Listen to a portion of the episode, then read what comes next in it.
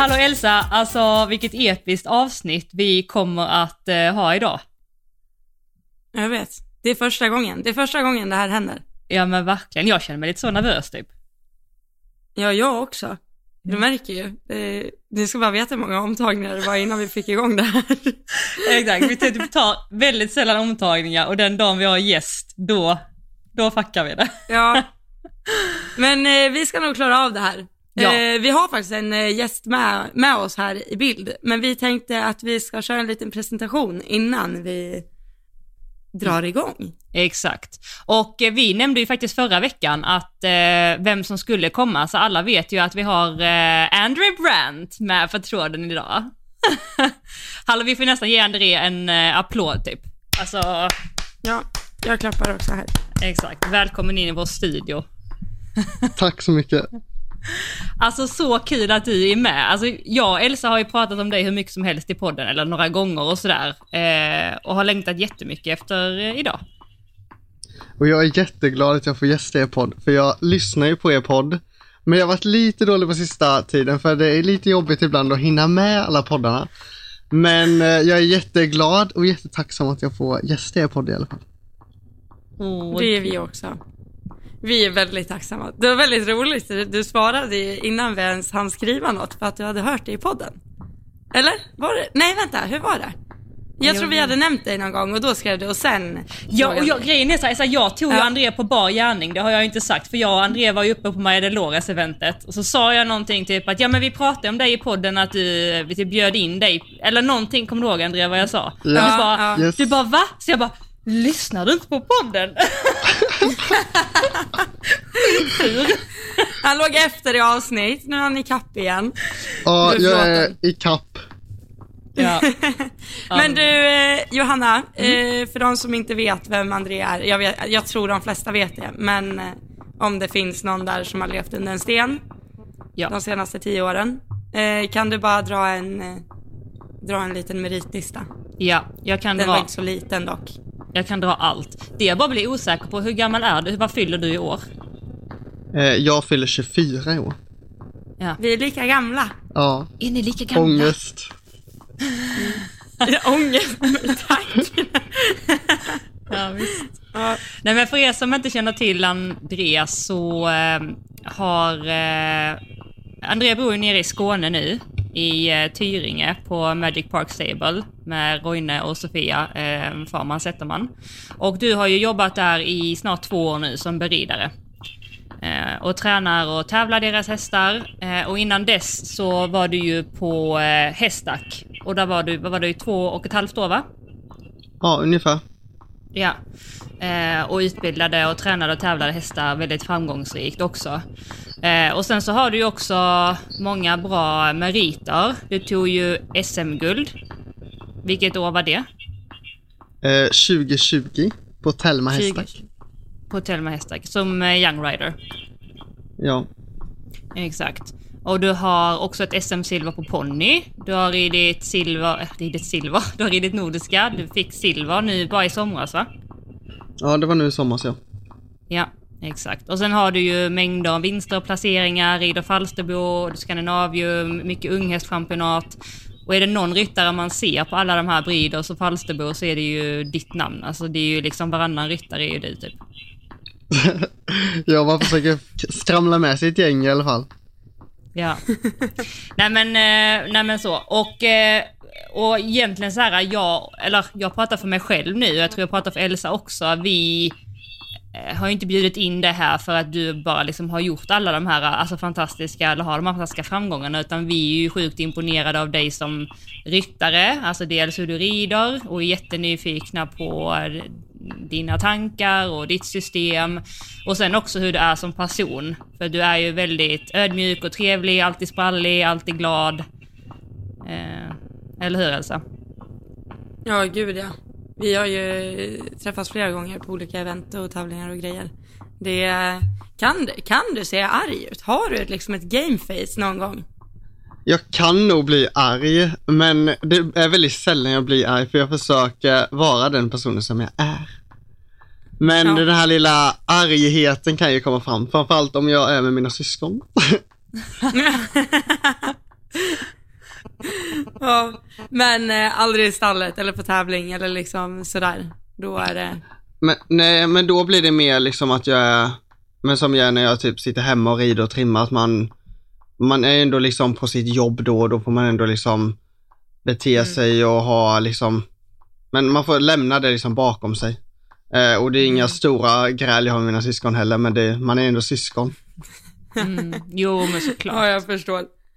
Men har du alltid Men- eh, kunnat det innan? Eller har du, har det sett annorlunda ut från att du började rida på ponnytiden fram till nu? Jag menar, du är också äldre, man mognar och så. Eller har du alltid kunnat lägga bort det i sadeln? Aggressioner och irritation? Men jag tror faktiskt att jag varit ganska bra på att lägga bort det, för men det är typ samma med mamma och pappa har alltid ställt upp och följt med på alla tävlingar eh, sen, ja, sen jag var yngre och alltid stöttat och varit med och det har aldrig varit några så här att vi har haft några gräl eller aggressioner mot varandra eller något utan det har alltid varit en väldigt fin eh, relation och väldigt bra relation för att jag menar de stöttade och har köpt ponnysar och följt med på deras fritid och alltihopa så det är någonting som jag tycker att alla ponnyryttare och även storhästar som har föräldrar som, föräldrar som följer med, att man faktiskt ska visa, det är det minsta man kan visa dem, att man faktiskt visar tacksamhet och att de ställer upp och följer med. Mm. Väldigt bra att du säger det. Mm. det. Ja, många tar nog sina föräldrar för givet att de är där liksom. Ja, Det och är jag, inte alla som har den. nej verkligen inte. Jag kommer ihåg eh, på det här SMet då med Telma-hästar 2020 och det var ändå på en ganska hög nivå. Jag var ju 20, vad var jag, 21? Det var min sista Young Rider då. Mm. Eh, och eh, då var det en eh, som red det Young Rider SM och jag var så nära på att gå fram till, eller rida fram till den tjejen då säga att du får faktiskt börja bete dig mot dina föräldrar för att de stöttar dig så mycket i detta. Och hon var nog ett år yngre än mig tror jag. Eh, och då var hon ändå ganska gammal. Eh, och jag Mm. tycker verkligen att man inte ska bete sig, man måste bete sig när sina föräldrar ställer upp och har lagt så mycket pengar och allting på att man ska kunna prestera. Mm. Verkligen. Jag tänker det liksom, om det är ens föräldrar som sponsrar ens satsning, det är ju, alltså det är ju typ som, ja men som det jobbet du har nu. Du hade ju, precis som du beter dig nu mot de som eh, du jobbar för.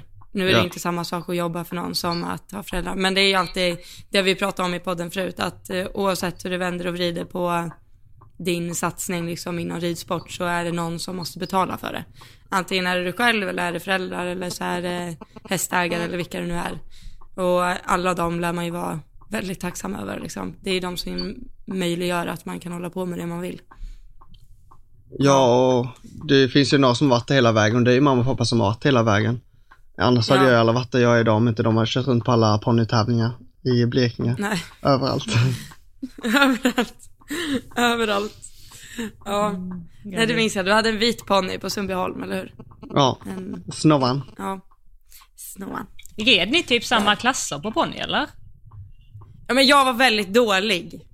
Men Nej. jag vi red samma klass. Men eh, det, det Men jag tror- jag hoppas ingen, ingen minns hur det såg ut. Men jag tror min, min första, om inte jag är helt ute och cykla, men jag tror första gången som jag la märke till Elsa, eller såg Elsa på ponnytävling, det är jag ganska säker på att det var på Baltic Cup i Flyinge. ja, det När du red en eh, mörkbrun svart po- D-ponny. Ja, en eh, liten D-ponny. Ja, en liten Ja. D-ponny på ett typ ett Pessoa-bett kanske. Ja, det gjorde jag garanterat. det var ett sånt här, eh, ett sånt här blått Pessoa-bett med eh, Ja, så här, Snappa ja. Det Ja. var det. Och allt var blått. Allt, skulle vara blått. Ja, och Sverige. Ja. men, eh, Ja, men, jag allt inget, men jag har inget minne om jag har sett det innan det. Men det är det första minnet jag kommer ihåg. För jag satt och tänkte på det idag när jag red. Jag bara, när var det första gången jag träffade Elsa?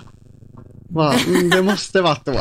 Fast jag vet, det kan vara tiden. alltså, vad tänkte du då? Typ om du så här, helt ärligt nu, det är ändå många år sedan och så här. Vad, vad hade du liksom för bild av henne, av Elsa, första gången du såg henne? Nej, Helt men- ärligt, nu, fram med korten.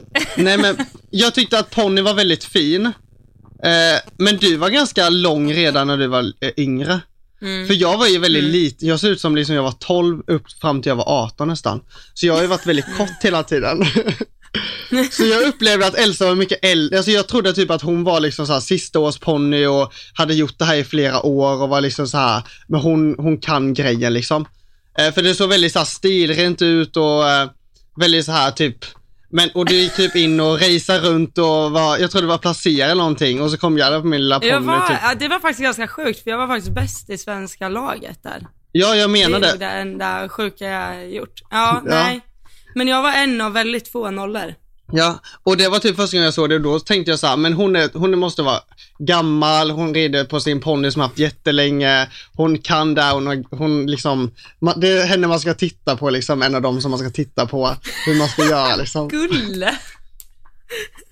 Jag ramlade av i finalen, bara, bara för... Ja, jag Liksom. debuterade 1,30 där på min ponny. Eh, Ja, det gick nog bättre I Grand. Prix. Ja, jag var faktiskt felfri. Det var helt sinnessjukt. Ja, du ser. Gud. Jag ramlade av i sista kombinationen.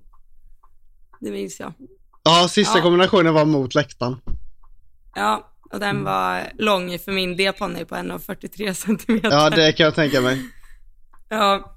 Nej, men det var, men mitt första minne, det, det är nog Sundbyholm, tror jag. Och det var nog innan Baltic. Eller var det efter Baltic? Mm, det måste ha varit Nej, eh, inte. efter.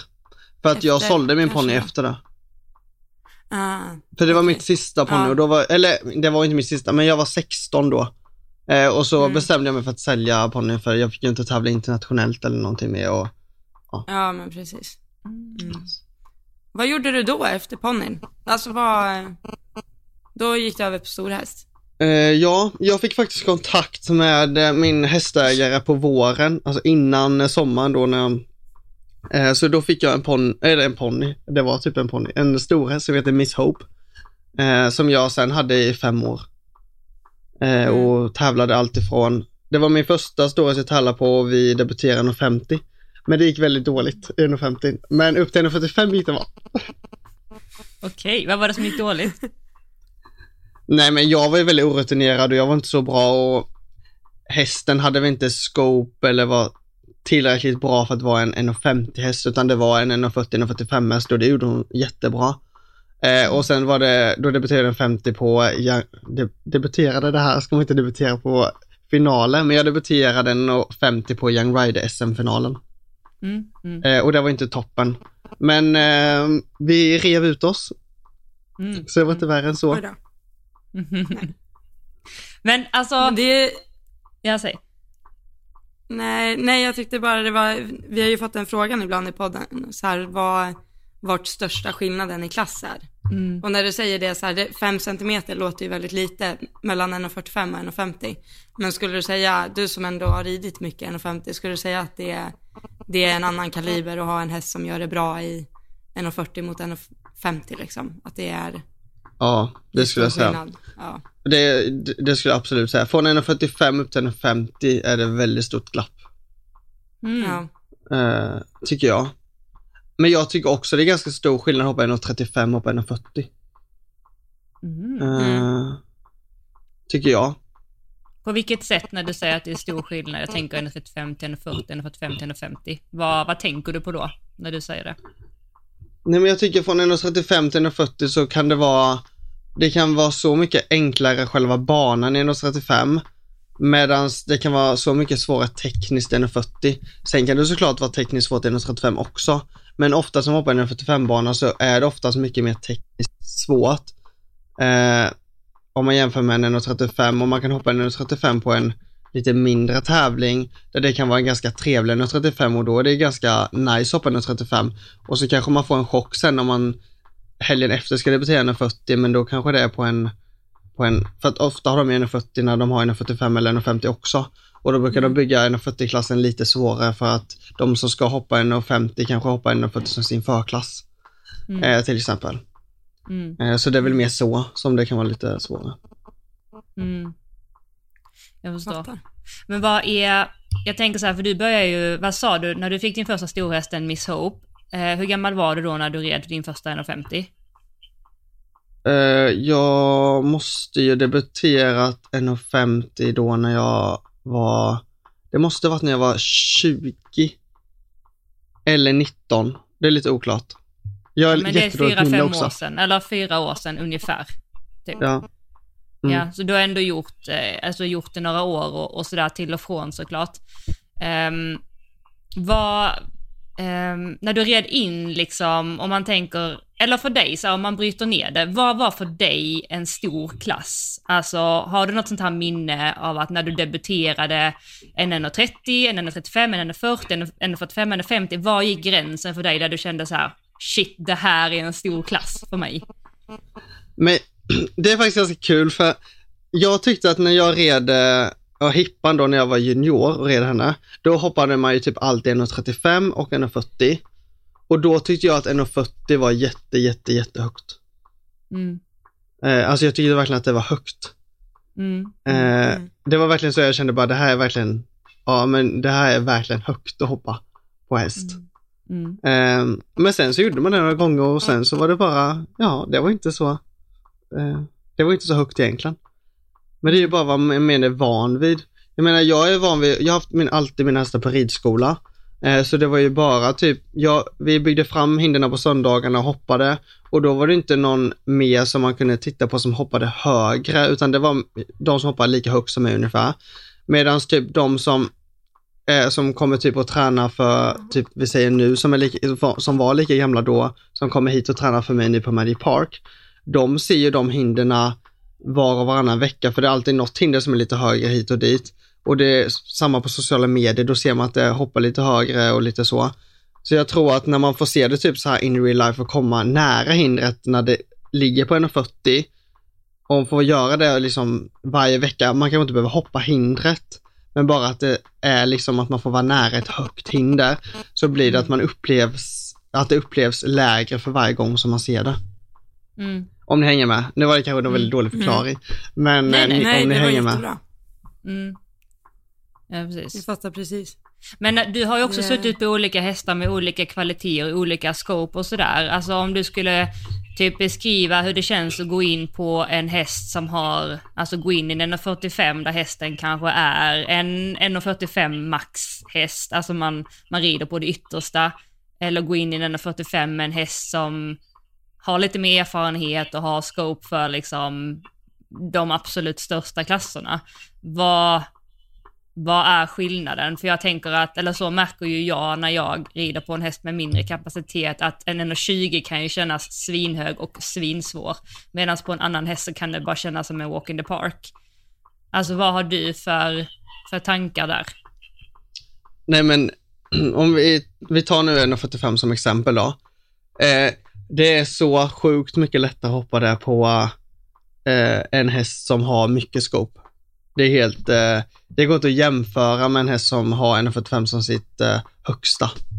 Mm. Det är samma sak typ nu, så, kanske, kanske inte nu idag, men när jag hade när jag var, jobbade på hästar så hade jag några hästar utöver som jag hade liksom i träning lite hit och dit. Och då hade jag någon som jag hoppade 1,30 på som verkligen hade alltså, kapacitet att hoppa 1,30. Den kanske hade tagit över 1,35 en bra dag. Eh, och då tyckte jag att 1,30 kändes högt. Men då hoppade jag 1,40 som, till, alltså, som veckovis liksom. Men då tyckte jag att 1,30 kändes högt när jag satte upp på den hästen bara för att det kändes svårt att klara det fast den gjorde det bra. Men det var Mm. verkligen samma, fick ha precision för att klara det. Och den Mm. gjorde det bra, det var inte så att det kraschade eller, nå- eller det, känd, alltså den, det kändes inte som att den skulle stanna. Men det kändes bara, om jag ska bara fel, för då måste jag verkligen pricka distanserna. Jag kan inte komma Mm. där lite stort i omhoppningen, lite nära, för då river den direkt. Mm. Exakt. Det är så så, scope är intressant. så viktigt. Ja, Ja. alltså verkligen det kvittar hur erfaren man är på en höjd, hur mycket man har hoppat där. Det är verkligen så här, det sitter också i hästen. Eh, vilken feeling man Ja, får. ja och tajmingen mellan häst och ryttare också. Eh, jag menar någon annan kanske hade tyckt det kändes asenkelt. Även om den kanske har varit en, haft mindre framgångar för att den bara kör och inte tänker så mycket på hur mycket scope den har egentligen. Mm, Medan någon som verkligen tänker på hur mycket scope den har, går ju med in på att tänka bara, den, den kan inte komma upp på höger. Den måste verkligen, vi måste verkligen fokusera nu. Så att ibland är det både fördelar och nackdelar med att man har, har suttit på hästar som är bättre än vad ja, den hästen är. då. ja. Det Om ni har vi hänger ju med. podden. det- Eller, eller hur? Alltså, vi har ju pratat om det. Alltså att ibland när man bara så här kör, alltså när man är yngre, man bara kör och man vet inte Ja. så mycket, då kan det nästan gå Nej. bättre. Och sen när man börjar Ja. förstå och när man börjar sätta sig i ett system, man- det har vi också pratat om André ju. Ja, Alltså Det när man börjar ja. tänka. Ja. Hur, Men jag tänker det också, du som har ridit så mycket unghästar och liksom även 1,50 klass, alltså färd, ja, och det är större än unghästar. Eh, och när du pratar distanser, för det är också antagligen världens största problem efter krig och svält. Så sen kommer distanser. det, det, men eh, liksom som unghästar, jag har lite filosofin med en typ fyraåring, tre, fyraåring när man hoppar in om att eh, hästen vet ju inte egentligen vad som är en dålig distans. Det är, eh, vi ryttare vet ju för när man rider mot hindret med en treåring att okej, det här är en jättedålig distans, men någonstans så lär man ju sätta inställningen i hästen också. ja. Men när du rider, nu har ju du tillräckligt mycket erfarenhet för att inte lägga en häst i skiten såklart, men hur, liksom, hur perfekt är din hemmaträning på en fyra femåring liksom? men, det, men det är väldigt intressant det här med, med att de treorna inte vet vad distansen är. Men om man tänker på det typ, om man drar det typ hela vägen, de hästarna som jag sitter på idag som är tio år, de vet ju inte heller Ja. vad en distans är. Nej, nej, Nej. Alltså de har inte heller någon Nej, aning heller för de hoppar ju bara av där jag säger att de ska hoppa av, eller där man vill att de ska Ja, hoppa av. Alltså Ja. sen när man kommer lite stort och lite nära så har de ingen aning om det var en bra, sen är det ju egentligen bara kapacitet, det är ju scopet där som avgör om det är Mm. en tillräckligt bra distans för att hästen ska klara det eller inte klara det. Mm. Och Eller om den är tvärtom. försiktig. Ja, Ja, och, ja, precis, om du kommer och nära. hur ja. försiktig.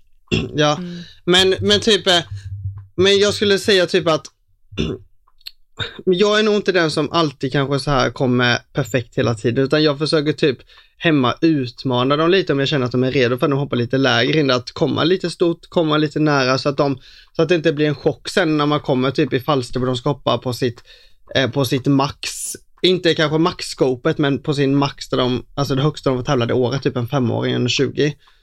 För då kanske de blir helt chockade om man kommer lite utifrån, typ in i en kombination för att man, det var den distansen man fick där för att de spände sig lite mot på läktaren eller spände sig lite mot blommorna som är, för de har ju väldigt spektakulära blommor alltihopa.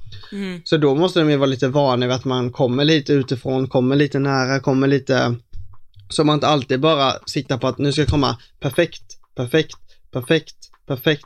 För då är de liksom, då har de liksom inte kommit in i det här att den här kämpaglöden, när man ska säga, att när de behöver Mm. så här fightas lite extra. Om ni hänger med. Mm. Mm. Nej, precis. Jag, jag håller helt med dig. Det kommer från en i botten distansdyslektiker. Men det är rätt intressant. Vad, vad tror du där André? För vi har också pratat lite om det här i podden.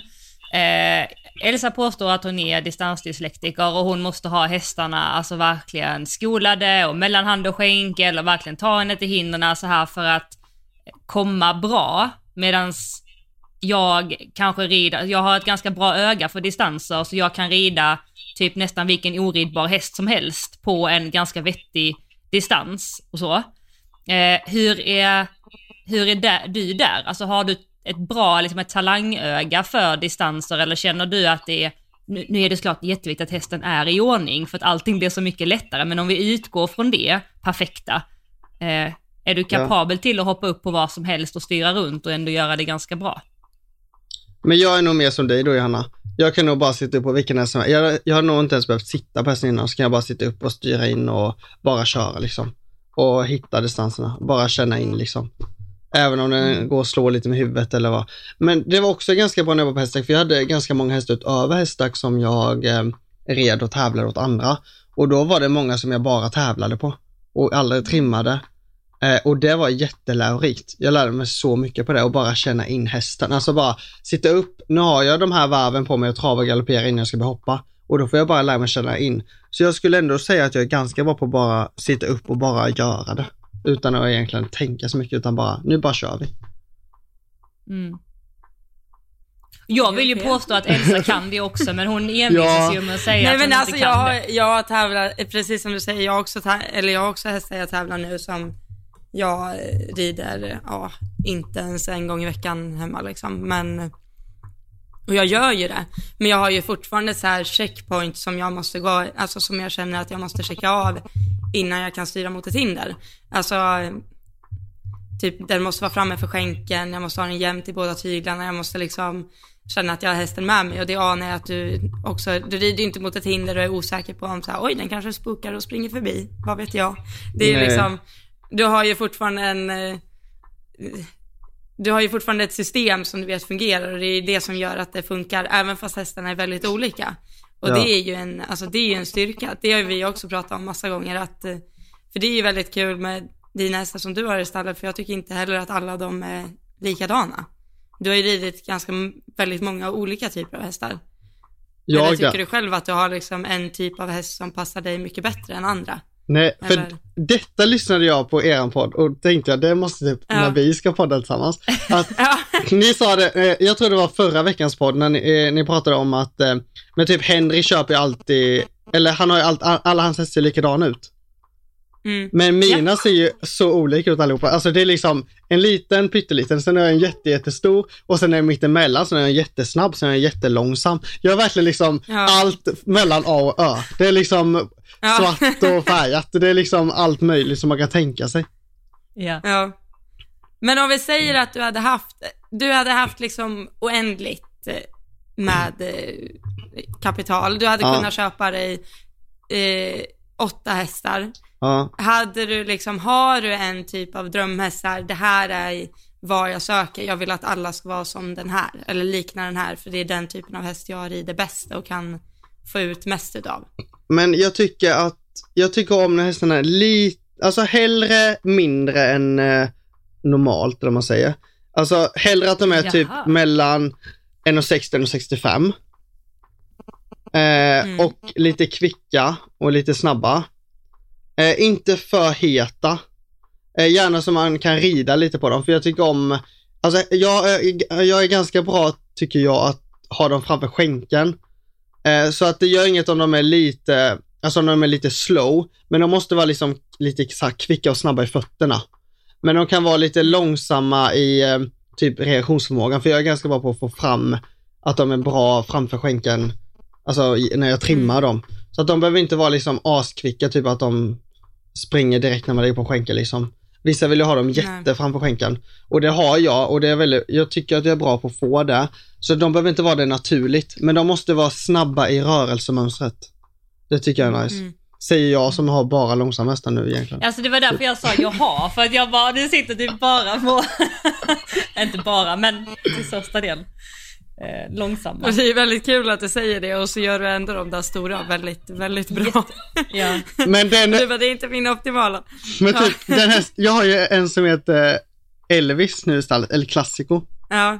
Och det är ju min favorithäst och den är ju 1,85 hög. Eh, så jag säger lite, jag säger lite så här, eh, ja, jag, jag pratar lite dubbelmoral här nu. Men, eh, men jag vet typ Nej, inte egentligen, jag ju blir lite en, kluven. eh, Ja. Men eh, det är intressant när du säger att du tycker att du är bra på att få fram hästarna och så sa du, jag vill, det behöver inte vara liksom jätteframme, men jag är ändå bra på att få dem framme på det sättet jag vill ha dem. Så här. Vad innebär det för dig att ha hästarna framme för skänken och hur tar du dig dit? Alltså hur ser din, nu är det såklart, alla hästar är olika, men vad är liksom din filosofi och din tanke och ditt system för att få hästarna så pass mycket framme som du vill ha dem, typ. Men jag trimmar gärna om de är lite åt det slåiga hållet och inte riktigt tar skänken. Så trimmar jag eh, ofta med dressyrspö.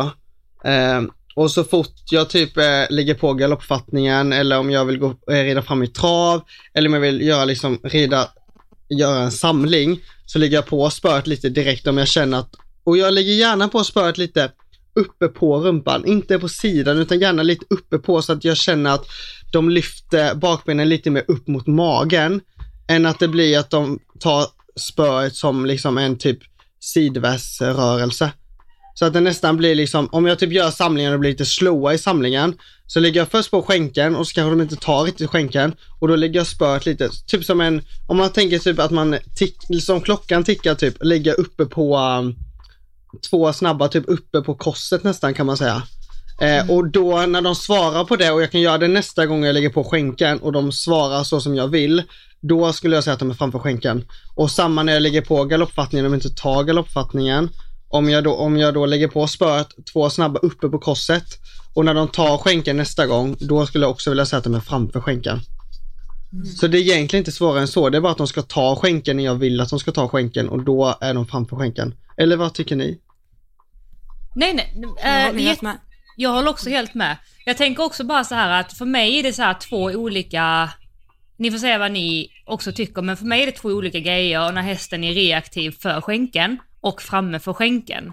Typ, alltså, eh, typ en häst kan vara så här kvick, du lägger på skänken och den tar skänken och den svarar, men kan Ja. också typ så här kanske inte hålla den, att du inte känner att hästen liksom tar dig framåt. Och det är så olika tycker jag från eh, ryttare till ryttare, det pratar vi om nu när du har varit i USA Elsa, du har ju alltid liksom eh, strävat efter att hästarna ska liksom ta dig och hela tiden liksom mata framåt och i USA fick du träna på att de skulle vänta, men de hade ju ändå hästarna framme för skänken. Så Ja. vad är din, alltså hur vill du ha hästarna? Vill du att de är, att de hela tiden tar dig och att du liksom eh, känner att du nästan liksom får hålla emot för att de inte ska fortsätta gå framåt eller vill att de ska vara liksom eh, väntande eller hur? Förstår du min fråga? Nej, ja, jag fattar. Men jag tycker om när jag har, om man tänker typ, eh, om vi tänker typ att eh, noll är när de har, alltså när de har släppt bettet helt. Och så minus är typ när de går bakom handen typ.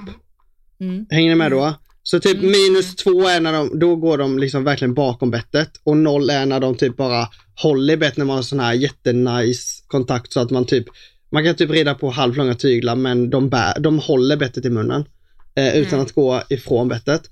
Men då tycker jag det är mer nice när man känner att de suger tag lite bättre, typ att de ligger typ på en tvåa kanske.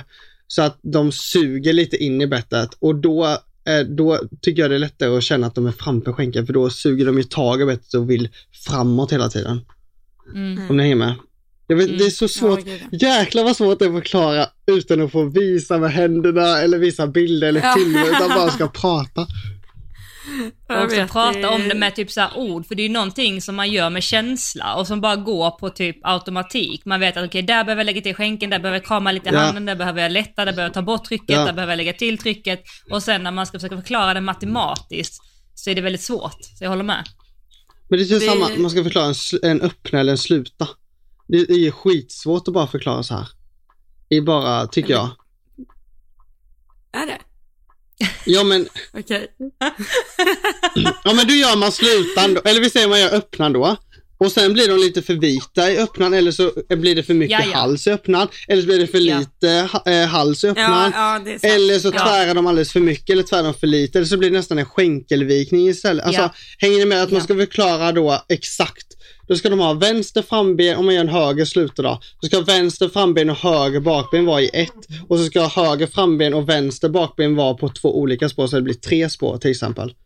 Ja. Men jag menar, man kan ju inte bara säga så. Ja, man kan ju inte bara Nej. säga så för då har man inte berättat om halsen och hur, Nej. hur vik den ska vara i bålen.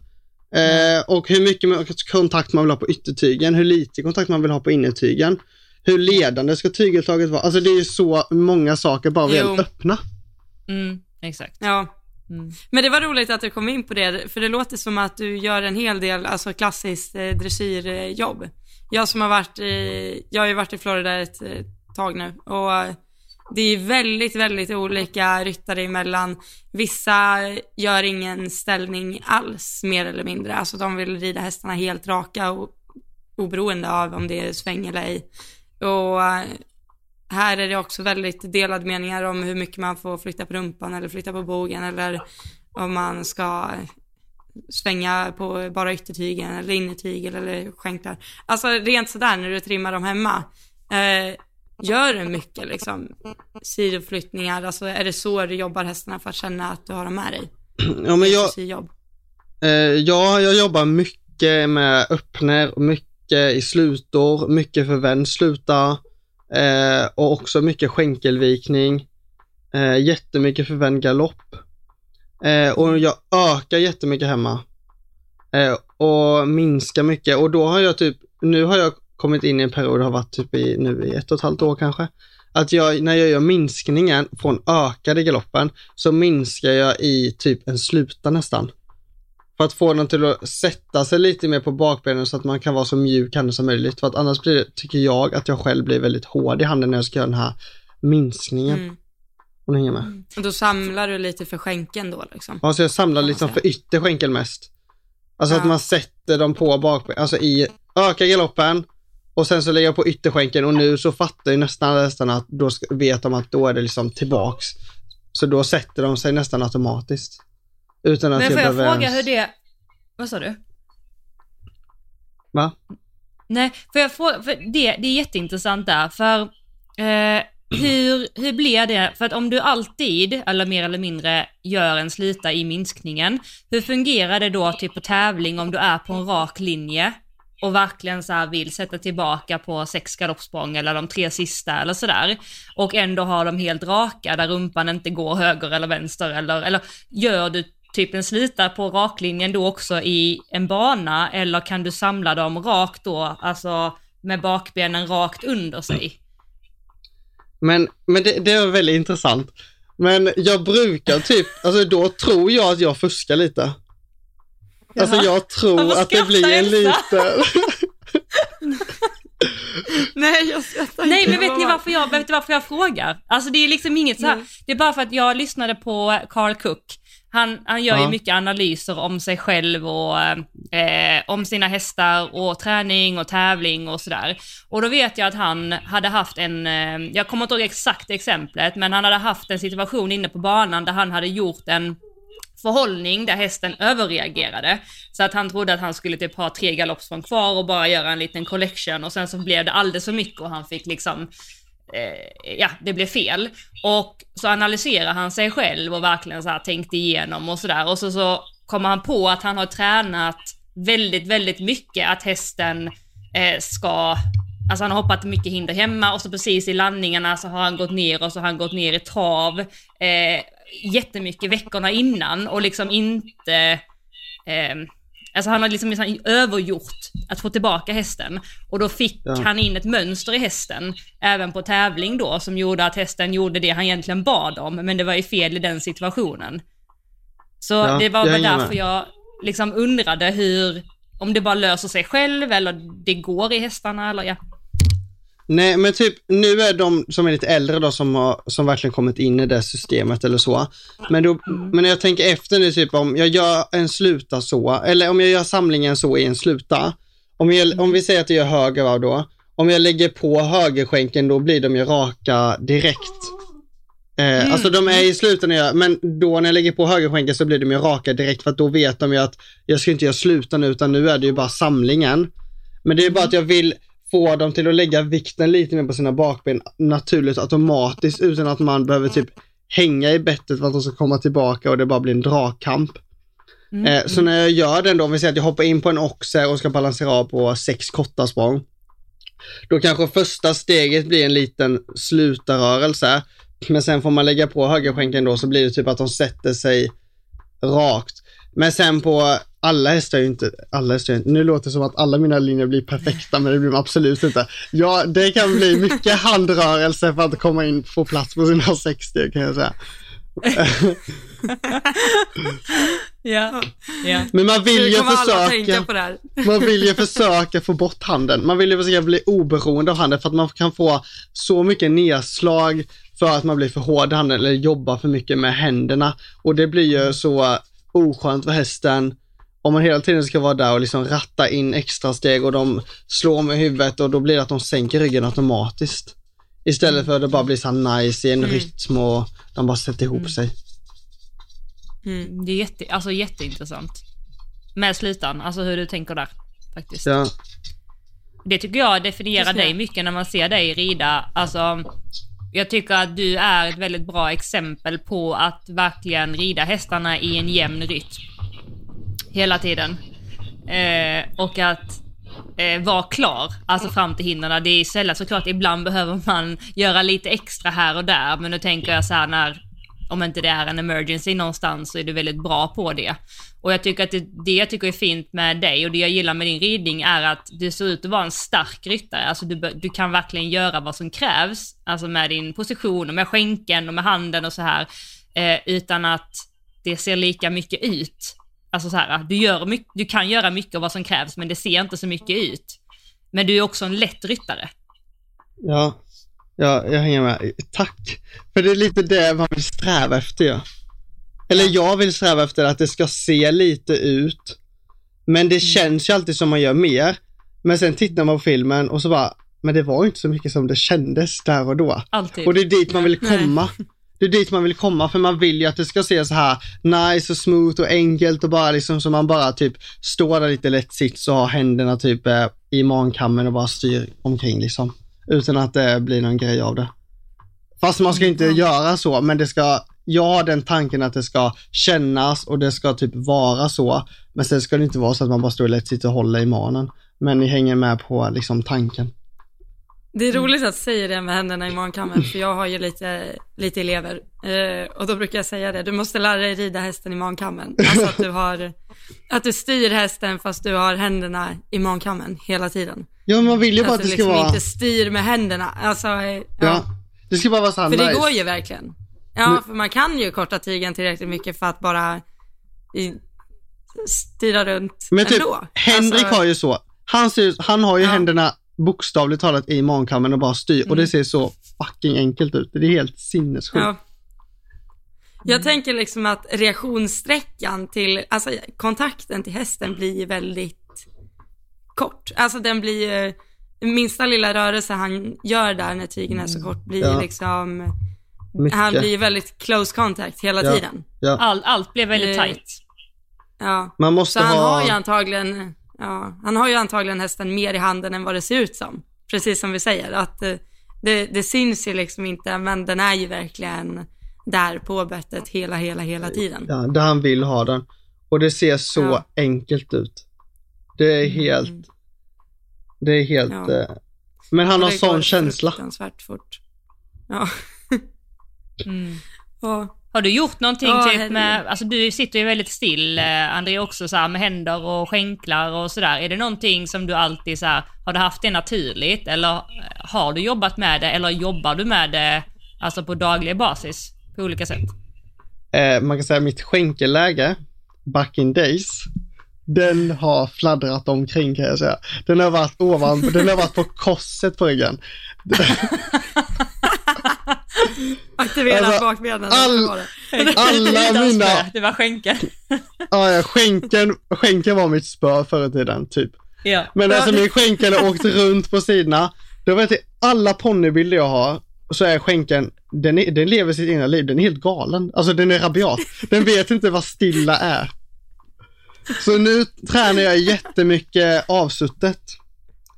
Eh, eller har gjort. Just det, du tränar med Jessica va? Ja, bästa Jessica. Mm. Eh, tränar jag för och nu har vi äntligen fått, platt, eller fått eh, plats på min lilla underskänkel. Eh, så nu har vi gått in i en ny eh, så här att träna på och då är det att jag ska träna mitt överliv lite mer, att jag ska vara lite mer stilla med mitt överliv. Eh, men vi tränar ju fortfarande på underskänkel för det måste man ju träna på hela tiden. Men eh, det har verkligen blivit sån stor skillnad på min underskänkel sen jag började träna avsuttet. Eh, vad är och det är så skillnaden och vad har du gjort? Men vi har gjort jättemycket övningar tillsammans. Eh, egentligen väldigt simpla övningar med så här, såna här eh, träningsband och sånt. Ehm, eh, för att få den stilla, för att den vill gärna åka bak och liksom upp mot schabraket. Eh, och nu när jag har fått den stilla och den är ganska stilla, det är fortfarande att jag tappar den lite ibland, framförallt om jag hoppar lite högre hinder eller om jag hoppar med någon häst som hoppar väldigt starkt. Eh, så blir det fortfarande att den åker bak lite, men ofta är den väldigt stilla. Och det jag har märkt med det är att jag får mycket bättre balans och en mycket bättre position i landningarna. För att innan så landade jag som en padda, bara pladask på mankammen för att jag hade liksom ingen, jag hade ingen balans med underskänkel för den var ju liksom uppe på schabraket och vände och höll på. Dört. Ja, verkligen. Ja. Men du, du har inte ridit så här och spänt fast eh, stigbyglarna i saljorden och sånt där? Nej, det har jag faktiskt inte gjort. Nej. Jag har bara tränat rent fysiskt. Eller kroppsligt eller Oj. Det är det man ska göra alltså. Jag har Mm. alltid skyllt på att jag är lång. Jag har för långa ben. För... Nej. Ja. Men du har ju också, alltså väldigt eh, nyligen väl bytt sadel. Rider inte du i renässans nu, Mira? Jo, jag rider renässans Hur... nu. Och du gick från Equip. Equip till renässans. Alltså kan du inte bara, för, för mig när jag tänker Equip till Eh, renässans Det är jättestor skillnad. Alltså på typ av sadel. Alltså hur upplever du det och har det gett dig någonting? Har det varit svårare eller har det underlättat något eller vad är dina erfarenheter? Men jag har haft en hästägare tidigare som har, när jag red Equip så hade de renässans på sin häst. Så jag har ridit i renässans innan, fast inte så mycket som jag rider nu, men jag har i alla fall tävlat och ridit lite i det innan jag började rida renässans nu. Eh, men däremot typ alla sadlar, jag satt upp på en häst nu för några veckor sedan på min systers eh, ponny eh, och hon har ett annat märke på sadeln. Eh, hon har en equipsadel som har ett annat märke. Eh, och, men alla sadlar är så djupa. Det känns så konstigt för att det är liksom helt sjukt att rida känns som att rida i en annan sadel nu för att renässanssadeln är ju så platt. Men jag tycker att det är väldigt nice. Alltså jag har verkligen inga problem med det. Jag tycker det är asnice. Men det känns så konstigt att gå från nu renässans till jag känner nog större skillnad att gå nu när jag går från renässans till en annan sadel än vad jag kände när jag gick från en annan sadel till renässanssadeln. Mm. För nu känns det som att jag är helt fast i sadeln när jag sitter upp på en eh, sadel som är djupare än vad renässanssadel är och det finns ingen sadel som är så platt som renässanssadeln. Nej. Eller vad upplever ni? Eller du? Jag upplever Ja. också det när jag kommer i en annan sadel att det är väldigt djupt och sen så upplever jag att det är mycket sadel. Alltså det är typ är större glapp mellan mig och hästen Ja. så det känns som att jag hamnar mer uppe på hästen. Ja, Men i ja. renässansen så är jag mycket närmare och mycket tajtare med hästen. Eh, och jag tycker att man får en väldigt, så här, alltså, väldigt naturlig position för att du kan inte ta stöd någonstans, att du måste typ hålla balansen eh, i dig själv. Och sen jobbar jag jättemycket med min positionsbild i landningarna, jag har inte fått till den ännu. Eh, men jag märker att det tar ännu längre tid för mig att komma tillbaka när jag rider i, för jag har en Marcel-sadel också, eh, när jag rider Ja. i den eller jag rider i min eh, renässans. Renässans. Ja, för man måste ha sån Mm. otrolig egenbalans hela tiden.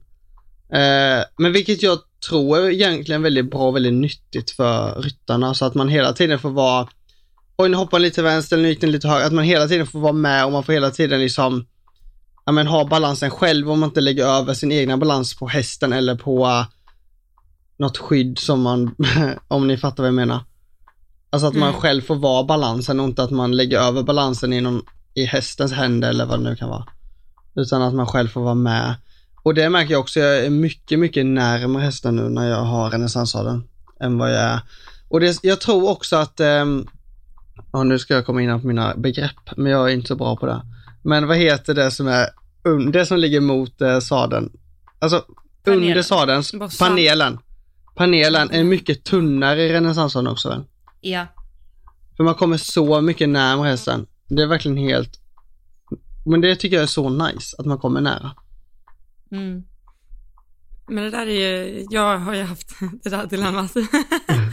jag fick ju eh, prova rida buté på mina hästar. Alltså jag har ju ridit buté förut, men Ja, eh, jag fick prova det på mina hästar och då blir det ännu större skillnad när man vet hur det brukar vara. men har du jag ridit, har ju, har du jag ridit, ridit CVD innan. ja, men i renässans, har du ridit det? Nej, det har jag inte. Nej. Men eh, buté är ju också liksom väldigt flatback. Ja. Och det är väl ändå, ja, det är helt fel att säga samma, men jag tror det ligger lite samma personer bakom buté och renässans. Ja. Ja. Eh, men i alla fall, och jag har ju liksom insett att jag, lite det vi pratade om med skänken och sådär också, att eh, jag har ju hamnat i en position i sadeln där jag liksom har pushat hästen via sitsen så jag egentligen inte riktigt har behövt skänken. Eh, och det blir en helt annan grej i, i en BT eller renässans som ni rider i. Att du kan ju, det är ju typ omöjligt att hamna i, en, i ett så pushat sitsläge i en, den typen av hoppsadel.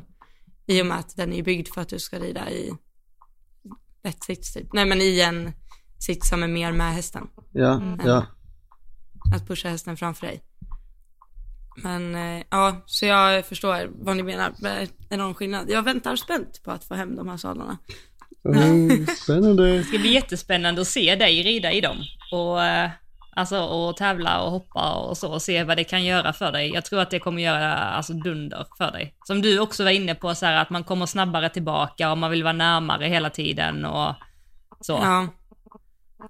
Det Nej, som- det blir nog, jag tror det blir jättebra. Jag har ju ridit i BT nu i tre veckor när jag var i USA. Ja, man vara sponsrad av dem. Så det, ehm, så det blev, det blev verkligen en skillnad då när jag kom hem. Men jag försöker, jag är så här: okej jag ska inte sitta ner i sadeln, jag ska bara stå i lätt sits. men jag tycker Buté är väldigt nice också. Mm. Eh, men jag Ja, är men det är också, liknande. jag tror också jag är en av de ryttarna som kanske är väldigt så här. Alltså jag kan nog rida vilken sadel som helst utan något problem egentligen. Men när man vill ha det lilla extra för, om man Ja. vill ha, alltså det lilla extra för att man vill göra något extra, så tror jag det är viktigt att man tar det som passar en själv väldigt bra också såklart. Mm, Ehm, Mm. men vissa känner ju bara så här, de måste rida i en viss eh, sadel, typ Equip eller Renaissance eller Butiel så, men jag är nog inte sån som, jag känner att jag måste rida den sadeln för att kunna få det, jag kan nog lösa situationen väldigt bra ändå, även om jag inte rider i kanske den sadel som passar mig bäst, om ni hänger med. Mm. Jag är inte så, Eller, Nej så knölig så när man som- medan vissa känner jag som är väldigt så att de eh, verkligen vill ha den och de kan inte rida något annat eller si eller så, om ni hänger med. ja. Men rider man hästar åt kunder då får man inte vara så kräsen Nej. Nej, Man är där för att göra ett jobb. exakt. Så, ja, exakt. ja. Nej det har jag. Jag har också suttit i en och annan tvålkopp men man har fått stå ut.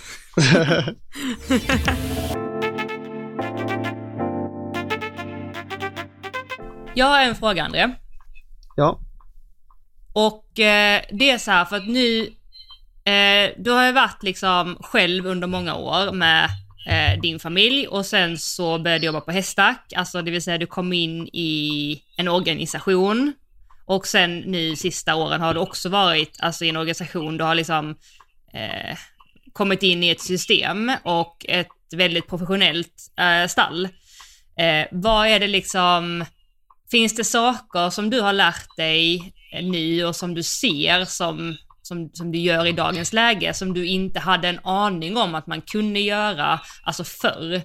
Alltså är det, har det varit någonting som du bara liksom, oj varför har jag inte gjort det här innan eller oj det är klart att det här är jätteviktigt eller så. Men eh, vilken väldigt bra fråga, om jag får säga det först, innan jag svarar Var på ska vi frågan. börja? Nej, men det, det är ju såklart jättemycket. Men det är väldigt svårt att komma på bara så här på rak arm. Men någonting som jag har varit väldigt duktig med, väldigt noga med väldigt tidigt är markarbetet. Eh, alltså hur viktigt det är. Men jag tror inte förrän först nu att jag förstår hur viktigt det är. På riktigt. Hur viktigt det är. Det är verkligen helt, det är verkligen, men det är verkligen allt. Alltså man, det finns inget som är så viktigt som markarbete på hästen. Och sen om man, hur man vill koppla markarbetet, det får man göra på olika sätt. Men markarbetet är så viktigt för att få hållbarheten på hästen, nummer ett. Eh, att få hästen till att prestera, att få den till att använda kroppen på ett bra sätt när den hoppar, att få den till att landa både i höger och i vänster galopp, eh, så att man får en liksidiga. Och allt det sitter egentligen bara i markarbetet, hur man rider hästen emellan man hoppar den. Man kan träna för den bästa tränaren, man kan träna för eh, regelbundet i hoppning då säger vi, hela tiden. Men om man inte gör eh, markarbetet emellan hoppningarna så kommer man inte komma någonstans ändå. För att det är så extremt viktigt och det är ännu viktigare ju högre hinder man hoppar. För marginalerna blir ännu mindre och eh, det är så mycket svårare att göra det bra och att det ska se bra ut när man hoppar höga hinder om man inte har eh, hästen bra på marken helt enkelt. Mm. Det var ett långt Mm. svar. Svar. Det är jättebra svar. Men då, är- jag vill typ vända på den frågan. Det var, det var sjukt bra, men eh, vad, om vi säger så här, finns det någonting du gjorde förut som du aldrig skulle göra nu? Fattar du? Nu, Något som du tyckte var jätteviktigt förut, men som du nu liksom är så här, gud varför höll jag på med det där? eh, oj vad svårt. Men typ, alltså innan så, så tog jag typ, vi tar till exempel som, eh, men det kanske inte blir riktigt svar på din fråga, men det blir i alla fall Nej, någonting. Eh, för jag tyckte din fråga var lite svår att svara på tyckte jag. Men typ innan så såg jag typ mer som longering som typ en sån här, men eh, jag rider så många dagar på rad, jag longerar lite idag och sen så rider jag imorgon istället. Men nu så kan jag använda longeringen som, en, som ett redskap eh, som hjälper mig när jag ska trimma. Alltså jag tar longeringen mer på allvar och mer seriös nu och kan göra ett bra jobb i longeringen. Eh, och inte bara att det blir, ja, jag longerar idag för jag orkar inte rida. Till exempel. Mm. Mm. Utan att longeringen faktiskt kan vara en, en sak för att man ska, kan jobba dem i det. Det är samma med tömkörning också. Det är också svinbra. Mm. Eh, hästen också och kan få jobba en dag utan att ha ryttare på ryggen. Eh, men jag vet inte riktigt vad jag ska svara på din fråga, men eh, någonting jag gjorde innan som jag inte gör idag. Mm. Har du något Det är exempel? svårt när man börjar jag kan komma- reflektera.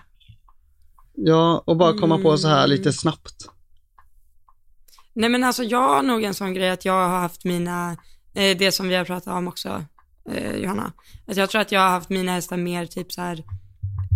förut hade jag dem mer reaktiva för skänken och nu har jag dem mer för skänken som skänken ska fungera och det är två helt olika saker liksom. Ja, typ en, en sån grej, liksom att, eh, men jag vet inte, det kanske var svårt att förklara, eller du kanske redan Nej, jag fattar vad du menar, men jag kommer inte på Ja, någonting men bara du kommer sådär. inte på någon sån, Imorgon kommer jag komma på jättemånga saker, men kanske inte just nu. Ja. bara. Ja, nej men är jag fattar. svårt. Men har du någonting om man gör det lite mer konkret och typ eh, på tävling, om man tar hela tävlingssammanhanget, allt ifrån att du eh, åker på morgonen, nu, vet, nu har du ju liksom eh, hästskötare som, som gör mycket och sådär, eh, men, men där då, liksom en preparering för tävling, komma till tävling, sättet du går banan på, rider fram, hoppar fram, alltså har det ändrats någonting med åren? Eh, gjorde du någonting innan som du inte gör nu, eller tvärtom, gör du saker nu du inte gjorde förr? Ja, eh, innan, så typ om vi säger att jag tävlade på fredagen, så, alltså förr i tiden då, när jag hade ponnysar och egna storaste hemma, då om jag tävlade på fredagen så vilade de alltid på uh, onsdagen. De vilar alltid dagen före dagen för tävlingen. Och om jag tävlar på lördagen så vilar de alltid på torsdagen. Och jag vet inte varför, men det var typ för jag tänkte typ att de skulle ha mycket energi. Så då så, om jag rider dem lite lätt, om de vilar på dagen innan och så trimmar jag dagen innan tävlingen och sen tävlar jag. Men det gör jag ju inte nu. Det gjorde jag allt innan till exempel. Nu kom jag på en sån sak som jag gjorde innan, vet jag längre. Men det var ju också så här Ja. töntigt bara, ja då får de mer energi om de vilar, men det får de ju inte. Det handlar ju bara om hur det mycket man har också om, trimmat så under gjorde vi också veckan. när vi... Vadå dagen före dagen? Han skulle det vilas som så när, alltså dagen före. Dagen innan. Vila och havre. Svart havre. Så att de orkade. Exakt. Så de det- orkar. Så Man ville ju inte att de skulle vila dagen innan tävlingen, men man tänkte att de vilar dagen, alltså in, om man trimmar dagen innan och så vilar de dagen innan det, då är de pigga sen på tävlingsdagen. Ja. Ja. Men du, hur, eh, tillbaka lite till tävling. Alltså för jag har, Ja. eh, jag har en fråga där. För att ehm, när du går in i en ny klass, alltså det kan vara typ en ny höjd för dig och hästen eller för hästen eller det är en extra svår klass. Alltså tänk dig så här, det är en klass som kräver lite mer. Det är inte så här rida en skolrunda i en 1.10 som du kan göra på halvlånga tyglar liksom. Eh, eller en 1.20.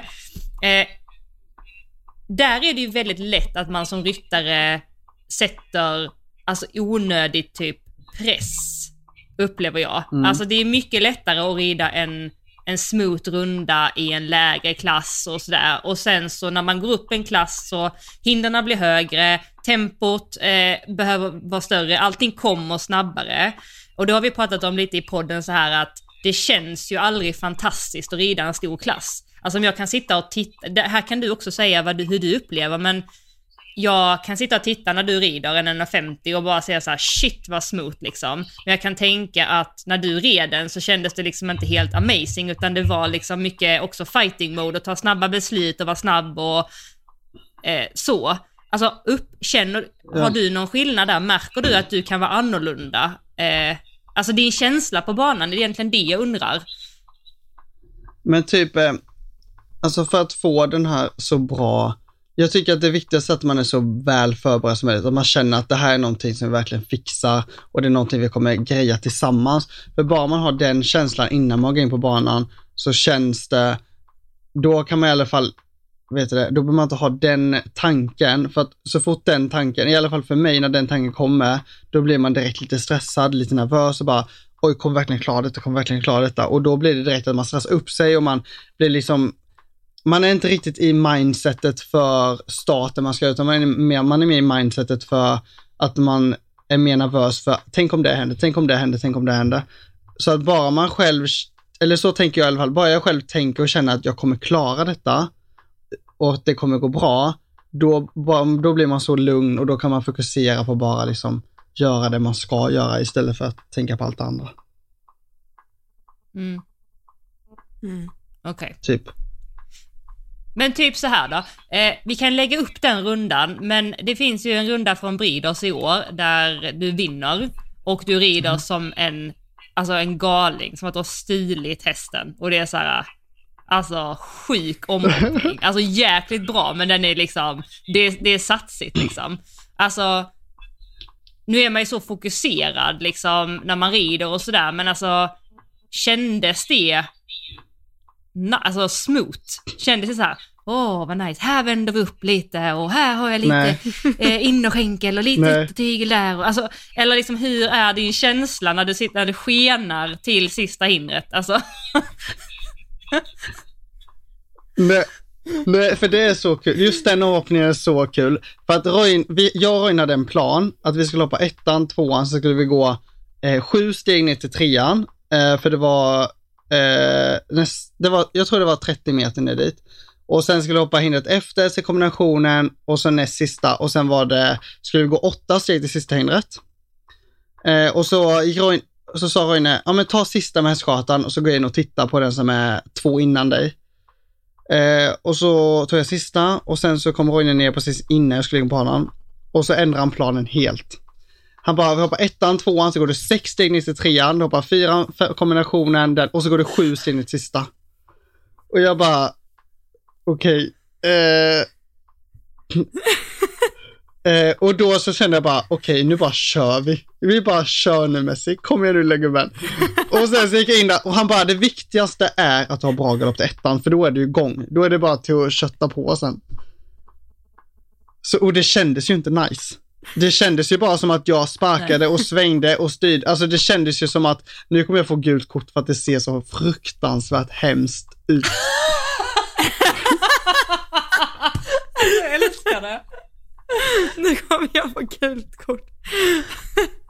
Du, då får du nog anstränga dig lite mer än sådär. Jag ska vara helt ärlig. Men det kändes så, för det kändes, för det kändes ju bara som att jag svängde och hade skänken om och svängde och han hoppade av liksom fem meter för stort för att jag kom inte fram på distans för att det var så långt fram till hindret. Jag bara landade efter tvåan och galopperade tre steg och jag bara det är väldigt långt kvar och jag ska ha tre steg till bara. Och det är, hindret är väldigt långt bort. Och så tänkte jag bara när jag hoppade av, jag bara, hoppa av nu för om du inte hoppar av då kommer vi dö för då kommer bommen flyga och vi kommer dö och på ett omtramp i den farten. Det hade inte varit så gött.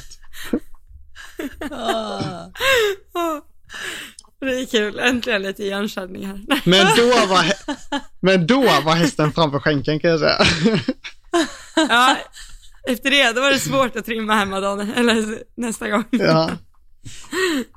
Men Ja. ge oss lite tips, för jag vet att du har gett Elsa lite tips där i ett kommentarsfält, att du, att du lägger lite vikt i ytterstigbyggen för att vara snabb i vändningarna. Eh, och sådär. Men, Men typ man om får så här, inte generellt, kommentera. om... Det var ett skämt. ehm, Nej, men du måste eh, kom fram med hemligheterna nu. nej men här, om du skulle ta oss, ta oss igenom en sväng, alltså då tänker jag liksom, och nu fattar jag att det är svårt att, att och förklara matematiskt igen, för det är också beroende på, hästen skjuter ut bogen, den går in med rumpan, alltså man får ju typ så här kompromissa, men så här, ta oss igenom en perfekt sväng för dig. Okej, men först då vill jag säga att jag har egentligen varit en väldigt långsam ryttare under typ ett års tid och sen så sa det bara pang och sen bara har jag varit hur snabb som helst. Så att det är bara helt så här udda att jag varit så snabb på sista tiden. För jag har verkligen så här ridit med tidsfält typ hela tiden och sen så bara jag gått snabb från ingenstans. Men eh, till svängen. Jag, jag tänker så här, om vi tänker att man ska göra en sväng Fast man måste ta det på två sätt. Man måste ta svängen efter hindret och så måste man ta svängen innan hindret. Hänger ni med? Mm. Mm. Mm. För det är olika, eller jag rider olika då. Om man, om man hoppar en oxer och ska svänga till höger, så tänker jag, jag landar, jag lägger vikten på vänster stigbygel och lutar mig nästan lite utåt och har väldigt mycket kontakt på vänster tygel. Och sen tar jag ett väldigt ledande tygeltag till höger med högertygeln och så bara lägger jag på ytter och då så känns det bara som att den bara svänger Alltså då bara svänger den runt liksom. Och lite det får man ju träna på när man sitter hemma och rider, typ om man gör volt. Någon gång kanske man gör volten jättemycket runt innerskänkel, har dem lite inåtställda. Och nästa gång måste man ju träna någon gång på att liksom ha dem nästan lite rakställda, något ytter och bara svepa med. För att det är någonting som man inte bara kan göra på tävlingen bara sådär en gång, utan man måste göra tränat på det på volten hemma eller någonting så att hästen är med på det när man väl ska göra det, för annars så fattar ni ingenting. Eh, Men jag tycker att jag upplever mig att jag blir mycket snabbare och att jag är snabbare då. Men det är ju som man gör efter hin- om man ska landa och svänga direkt snabbt. Mm. Ehm, och sen typ innan, alltså om man ska vända upp på ett hinder då blir det. Om vi tar en, eh, ska vi ta en högersväng där också så blir det lättare. Jag tycker ju själv att jag är lättare att göra en snabb vänstersväng mot hindret än en högersväng för att jag är mycket starkare höger sida och då får jag ju ytterhjälperna på höger än när jag får på vänster. För att både när man landar och ska svänga snabbt efter och man ska landa och svänga upp så tycker jag att det är väldigt viktigt att man har, att man är väldigt bra ytterhjälper, ytterskänkel och yttertygel. Eh, för att om man tappar ut dem lite då så blir distansen, antingen blir det ett pyttelite extra steg eller så får de ju hoppa av asstort för att man inte riktigt har dem med, Mm. alltså att man inte får dem svängt. Så man får titta väldigt mycket, om man ska vända upp snävt så tycker jag det är väldigt viktigt att man tittar på hindret i tid. Och att man ser nästan så här, nu är det fyra steg i den här svängen om jag har mycket ytterskänkel. Och så får man bara liksom rida väldigt, väldigt mycket med ytter. Så att jag tror det är egentligen, när jag pratar om det nu så är det egentligen väldigt mycket ytterhjälper i båda. Eh, Så att man inte tappar ut, för att när man ska vända upp tight så att man inte blir att de skjuter ut bågen lite och bara slida utan att de faktiskt vänder när man vill att de ska vända så att man får distansen som man vänder på. Mm. Om ni hänger med. Mm. Det är så svårt att Det tyckte jag förklara. var jätteintressant du sa, när man har en, en svag och en stark sida. För att min, min, eh, min vänstersida är starkare och jag har ju mycket lättare att få göra högersvängar. Mm, och jag är mycket lättare vänstersvängar. Mycket Ja. lättare. Så där man är precis, för då har man ju starkare ytterhjälper på den sidan man är starkare Ja. såklart. Och då bara Det var- det sveper man alltså- med lite. Mm. Då bara sveper tänka, man med tror- lite snabbare. Ja. Men jag tänker, jag får ofta en lite starkare höger tygel, tror jag. Vad sa du? Du får... Ja, alltså en stark, alltså att mina, mina hästar är enklare undan vänster. Faktiskt mycket mindre nu än vad de har varit. Men enklare undan vänster. Och då får jag en lite starkare innertygel och därför blir det lite enklare att svänga höger. Så tänker jag. För att när jag, för att den liksom ytterskänkeln till, det blir lite genom en högersväng så blir det för mig lite ytterskänkel till innerhand och därför får jag väldigt enkelt att liksom ta mig igenom svängen. Mm. Men- ja, men men jag- har du starkare vänsterskänkel. Ja, och det är lättare ja. höger Jo, jag har starkare vänsterskänkel. Ja, och det är Ja, lättare, lättare höger, höger. Mm. Ja. Men det är också, jag, jag förstår det helt med ytter, yttertygen, men det blir också väldigt svårt att svänga upp med en liksom tom innerhand. Eller fattar du vad jag menar? Det, Mm. För du leder ju med, med den. ja, jag leder. fattar. Men jag tror Alltså så att inte att hästen jag rider... kommer utåtställd till hindret. Alltså om du gör en högersväng så Ja. vill du ju inte komma att hästen kollar för mycket utåt. Alltså vänster, så att när du kommer till hindret så har, har du typ högerbogen in till hindret och Nej. hästen kollar vänster för då kommer du inte rakt. Alltså, Ja, nej men precis. Ja. mm, Men man får typ ha dem runt inne skänkel och sen får man typ ha dem Alltså de, får, de ska ju såklart vara inåtställda men man, de får ju typ nästan vara lite rakställda så att man verkligen kan vända med ytter Jag tror Mm. jag vänder kanske, jag kanske vänder extremt mycket med yttertygel och ytterskänkel då, mot vad många andra gör. Mm. Mm. Vet inte. Men de går ju fortfarande inte ut och ställer. Det är inte så, för att man vill ju att de ska titta på hindret, annars är det obehagligt. Mm. Man vill att de ska se hindret. annars är det obehagligt. Jo, det Annars är det obehagligt. För att det går ju snabbt för en själv och de vet ju inte vad de ska. De vet ju bara vad de ska för att jag säger vad de ska, så de har ingen aning. De är bara Nej. snälla liksom och bara, ja där kommer hindret, då hoppar vi. Ja, Ja, exakt. ja. Ja, det är... Men hur, tränar du mycket liksom på att rida fort hemma om man säger så? Eller är det ditt markarbete som har liksom tagit dig till snabba omhoppningen? Eller Alltså, är det så det- att du liksom aktivt har vänt upp på hinder hemma liksom? Nej, faktiskt inte. Vi tränar sällan på att rida fort. Sen däremot så kanske jag kan hoppa lite småhinder eh, och vända, alltså landa och svänga och vända upp lite, men inte över, det är sällan vi hoppar liksom omhoppning över 80 centimeter hemma. Mm. Alltså då är det bara småhinder som vi så här bara, ja men typ att de ska följa, alltså lite så här mer följsamhetsträning, typ att de ska landa och svänga och sen att man kan liksom rida upp, vända upp och att de ska liksom fokusera på hindret och hoppa och sen landa och svänga och lite så typ.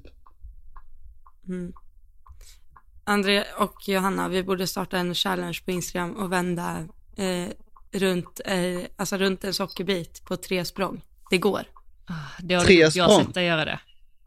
Ja, Det är Va? sjukt. du hoppar sockerbiten och sen på tre språng så hoppar du den igen.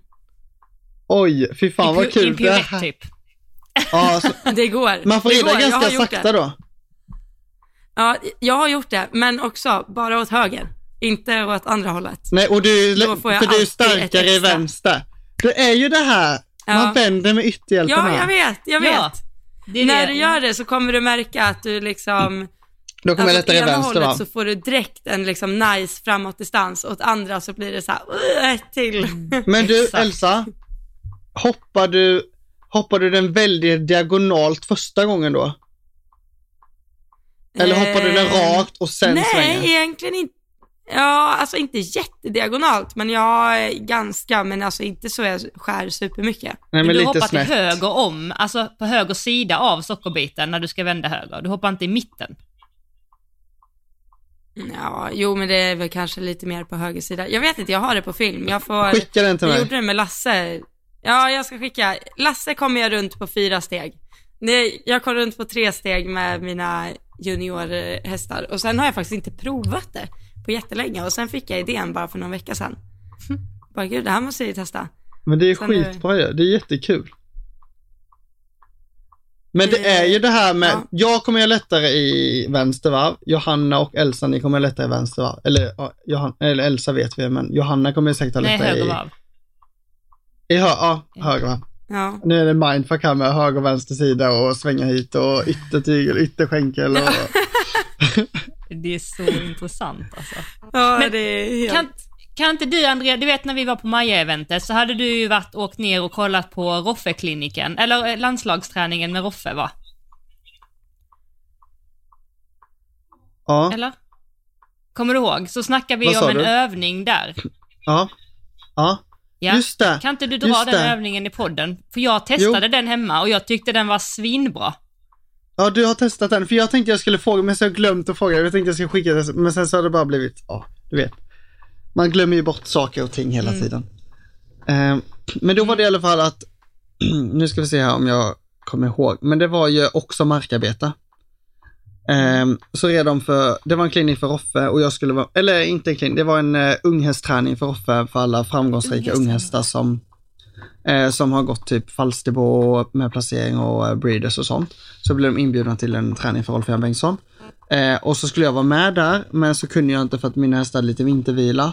Eh, så då så ringde jag upp eh, Ankan då som har hand om det och så sa hon att ja, men du måste komma dit och titta och du måste stå inne i manegen och titta. Jag bara, okej jag lovar. För det var det jag ville, att komma in i manegen och titta, för man lär sig så otroligt mycket av att bara titta på träningen. Eh, så då åkte jag dit eh, och så började de värma upp och då började de eh, och bara följa fyrkantsspåret att de bara skulle liksom trava på ganska friskt, frisk tempo och så är de samma i galopp, alltså i ganska friskt galopptempo. Eh, och sen så gick de in på en stor eh, A-volt eh, kan man säga, eller C-volt, det beror på om man är i ridhuset. Eh, och sen så eh, gjorde man så att på den eh, Ja, nu ska, hur fan ska jag förklara detta Hanna? Det gick ju inte så bra sist och då fick jag ju visa Jo, hit men och dit. det- vi kan ta den öppna delen och den slutna delen. Alltså... Och minskning och ökning man får dela och upp- innerställ och ut. Mm. Så Dela man, upp om man, volten. man får dela upp volten, så om man tänker den öppna delen. Eh, så från mitten, lite innan mitten, på den, mitten på den öppna delen, så ska man öka galoppen ner till förbi hörnet på den, på den slutna delen. Mm. Och så samlar man upp galoppen. Och så samlad galopp och då rider man dem, på, när man ökar galoppen så rider man dem väldigt eh, rakställda, nästan utåtställda. Eh, och när man gör samlingen, eh, efter man har samlat upp hästen, så rider man inåtställda på den eh, lilla delen som är kvar på den slutna delen. Eh, och sen, sen när man, den öppna delen börjar så börjar man att rida lite rakställda så att de är helt raka, nästan utåtställda när man ska göra ökningen. Och så gör man det både i trav och så i galopp. Eh, och jag har gjort den testen och gör den hemma nu med några hästar. Och de går så bra på det efter. Alltså man får dem så nice och man gör egentligen inte så mycket mer än att bara öka och minska och göra dem rakställda, lite utåtställda och inåtställda. Mm. Jag märkte det också. Man får dem väldigt bra mellan hjälperna. Ja, och de blir så här nice när man ökar testa. och minskar.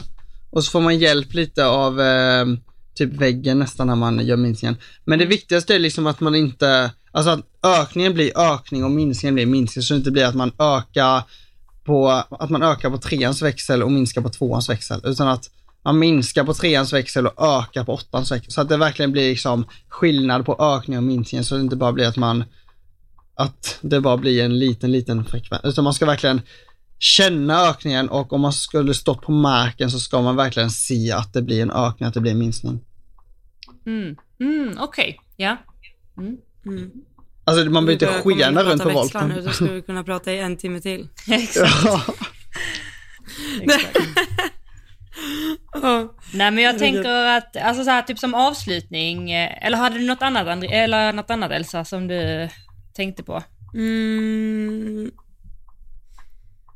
Hmm. Nja, eller ja, ja. Jo, om vi säger så här. Förlåt, nu fortsätter jag prata unghästar. Eh, om du hoppar en liksom fyra, fyra femåring. Mm. Eh, hur mycket tränar du den över hinder? Eh, alltså hur mycket hoppar du den i lägre tempo än tävlingstempo? Oj vad bra. Eh, det är också väldigt individanpassat. Eh, men jag försöker eh, ho- hoppa den i tävlingstempo. För att då måste jag bara komma in i, liksom, komma in i det, för annars så blir de Mm. helt vilda när man kommer ut på tävling om man ska lägga upp ett tävlingstempo. Men däremot om man har en, jag har haft en nu som blir sex år med ridit den som både fyraåring och femåring. Och den är väldigt explosiv och väldigt, väldigt, alltså väldigt, väldigt pigg. Och det har varit väldigt svårt att få, om jag rider i tävlingstempo hemma så blir den så extremt taggad nästa gång jag ska rida den. Så det har varit så himla svårt att få den till att gå i tävlingstempo hela tiden för att då, den känns som att den bara taggar Mm. upp sig själv för varje gång jag hoppar. Så att ibland måste jag ett hoppas på den och bara liksom så här, men rida över bommar i lite lägre tempo, hoppa lite små hinder i lite lägre tempo så att den får andas lite och bara liksom inte krypa ut skinnet på sig själv varje gång den ska hoppa för det känns som att då blir den helt galen när man ska hoppa den, om man hela tiden varje gång hoppar den i ett tävlingstempo om du hänger med. Men, eh, Ja, men Annars- det är en avvägning. men annars så försöker jag verkligen hoppa framförallt de yngre hästarna i ett ganska högt tempo så att det inte blir så stor skillnad sen när man går in på banan för då kan de bli lite så här spooky typ om man lägger upp tempot om de inte är vana vid det. Mm. Mm. Bra svar. I agree. Vad bra. Nej, nu var jag, nu var jag klar med Nu är det växeln.